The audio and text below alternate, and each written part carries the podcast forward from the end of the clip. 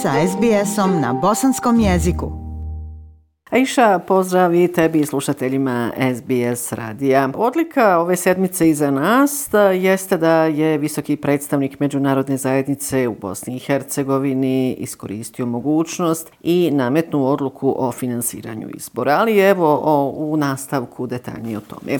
Najprije je 6. juna zasjedalo vijeće ministara Bosne i Hercegovine i napokon toga dana je usvojilo nacrt budžeta institucija Bosne i Hercegovine, ali i posebnu odluku kojom se osigurava dio novca za održavanje općih izbora raspisanih za 2. oktobar ove godine. Odlukom je odobreno da se za provedbu izbora Centralnoj izbornoj komisiji posudi 9,7 miliona konvertibilnih maraka od regulatorne agencije za komunikacije. Ipak, e, Centralnoj izbornoj komisiji tako je nedostajalo još oko 2,8 miliona konvertibilnih maraka s obzirom na to e, da su još ranije procijenili da im je potrebno oko 12,5 miliona konvertibilnih maraka za održavanje općih izbora. Samo dan nakon održane sjednice Vijeća ministara Bosne i Hercegovine, visoki predstavnik u Bosni i Hercegovini, Kristijan Schmidt, održao je vanredno obraćanje medijima i toga, e, dakle, nakon obustavljanja zakona o nepokretnoj imovini u Republici Srpskoj u aprilu ove godine, visoki predstavnik je upotrijebio po drugi put bonske ovlasti i nametnuo odluku o finansiranju općih izbora.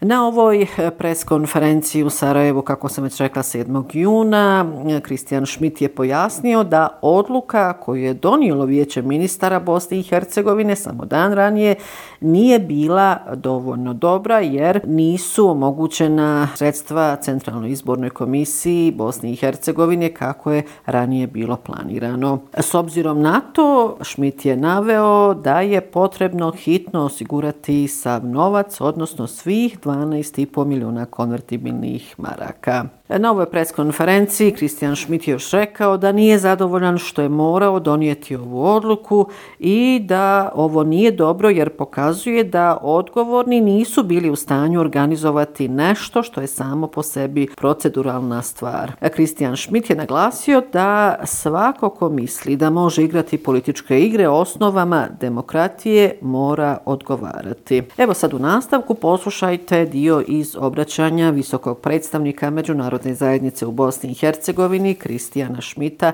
nakon nametnute odluke.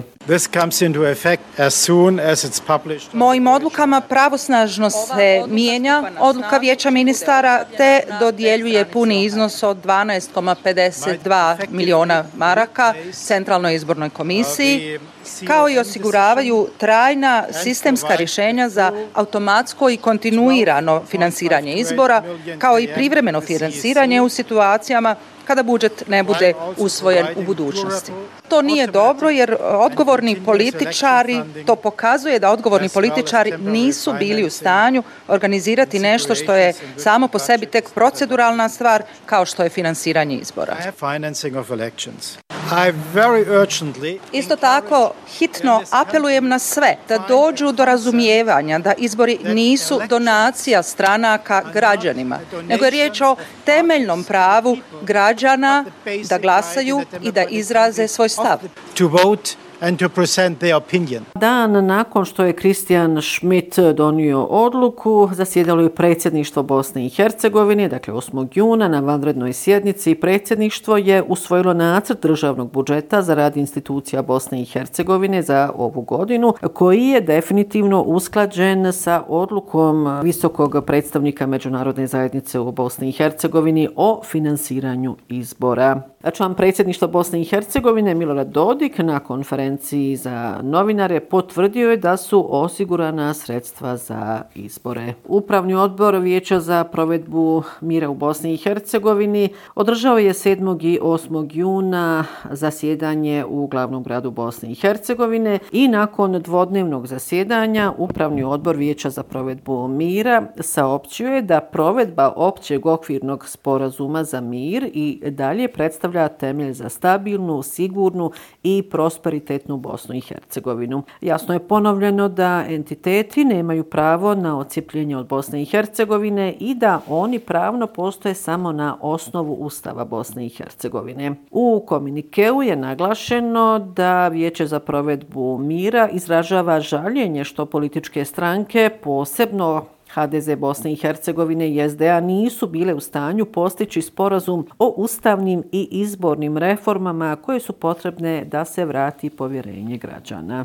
A iša zanimljivo je da je Narodna skupština Republike Srpske donijela odluku o odgađanju prenosa nadležnosti. A evo pojasnit ću i detaljnije. Dakle, održana je posebna sjednica Narodne skupštine Republike Srpske 6. juna na kojoj se razmatrala informacija o odnosima između Rusije i Zapada i ulozi Bosne i Hercegovine u tome i usvojeni su zaključci vladajuće većine. U zaključcima koje je predložila većina u Narodnoj skupštini Republike Srpske između ostalog traži se da se za još šest mjeseci odloži, a ranije sam govorila upravo ono neustavno prebacivanje nadležnosti sa države Bosne i Hercegovine na entitete. E, također izražena je podrška produženja misiji EUFORA, Altea u Bosni i Hercegovini između ostalog, traži se od predstavnika iz Republike Srpske u institucijama Bosne i Hercegovine da glasaju protiv uvođenja sankcija Rusiji kao i to da Bosna i Hercegovina ostane neutralna u napadu Rusije na Ukrajinu. U obrazloženju zaključka o odlaganju primjene zaključaka Narodne skupštine Republike Srpske od 10. decembra prošle godine stoji da se to radi kako bi se izbjeglo usložnjavanje vanjsko-političke situacije.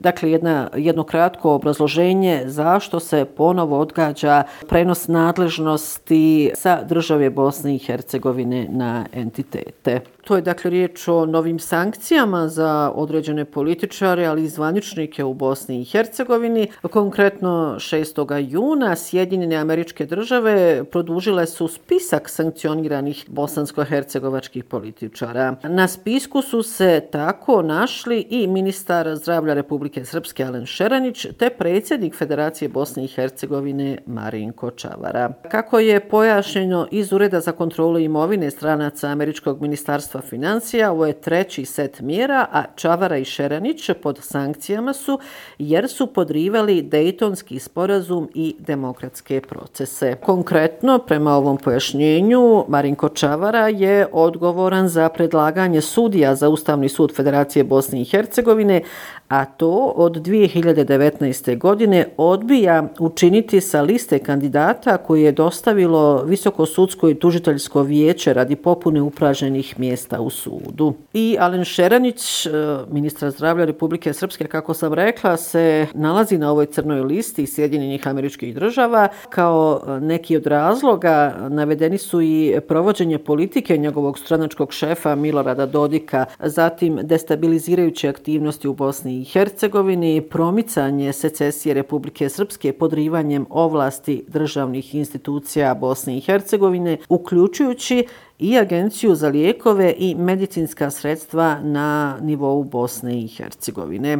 Podsjetit ću da su još ranije sankcionisani Milorad Dodik, potom Milan Tegeltija, a također Asim Sarajlić, Gordana Tadić i Mirsad Kukić.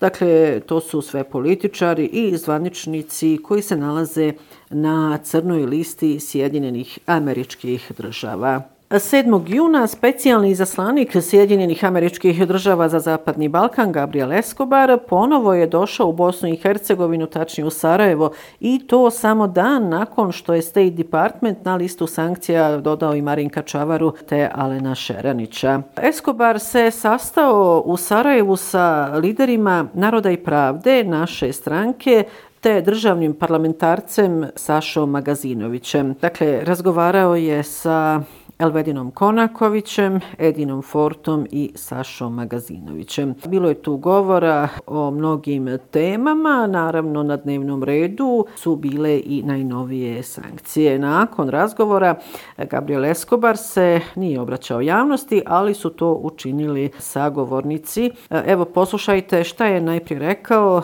predsjednik eh, Naroda i pravde Elmedin Konaković. Vrlo je važno ponoviti da su ovde e, Amerikanci detektovali nekoliko ljudi, prije svega su sankcionisali secesioniste, nakon toga su se sankcionisali evo i blokatore evo, koji blokiraju procese u Bosni i Hercegovini kako bi nešto za sebe lično preskrbili, ali i oni koji predvede korupciju u Bosni i Hercegovini.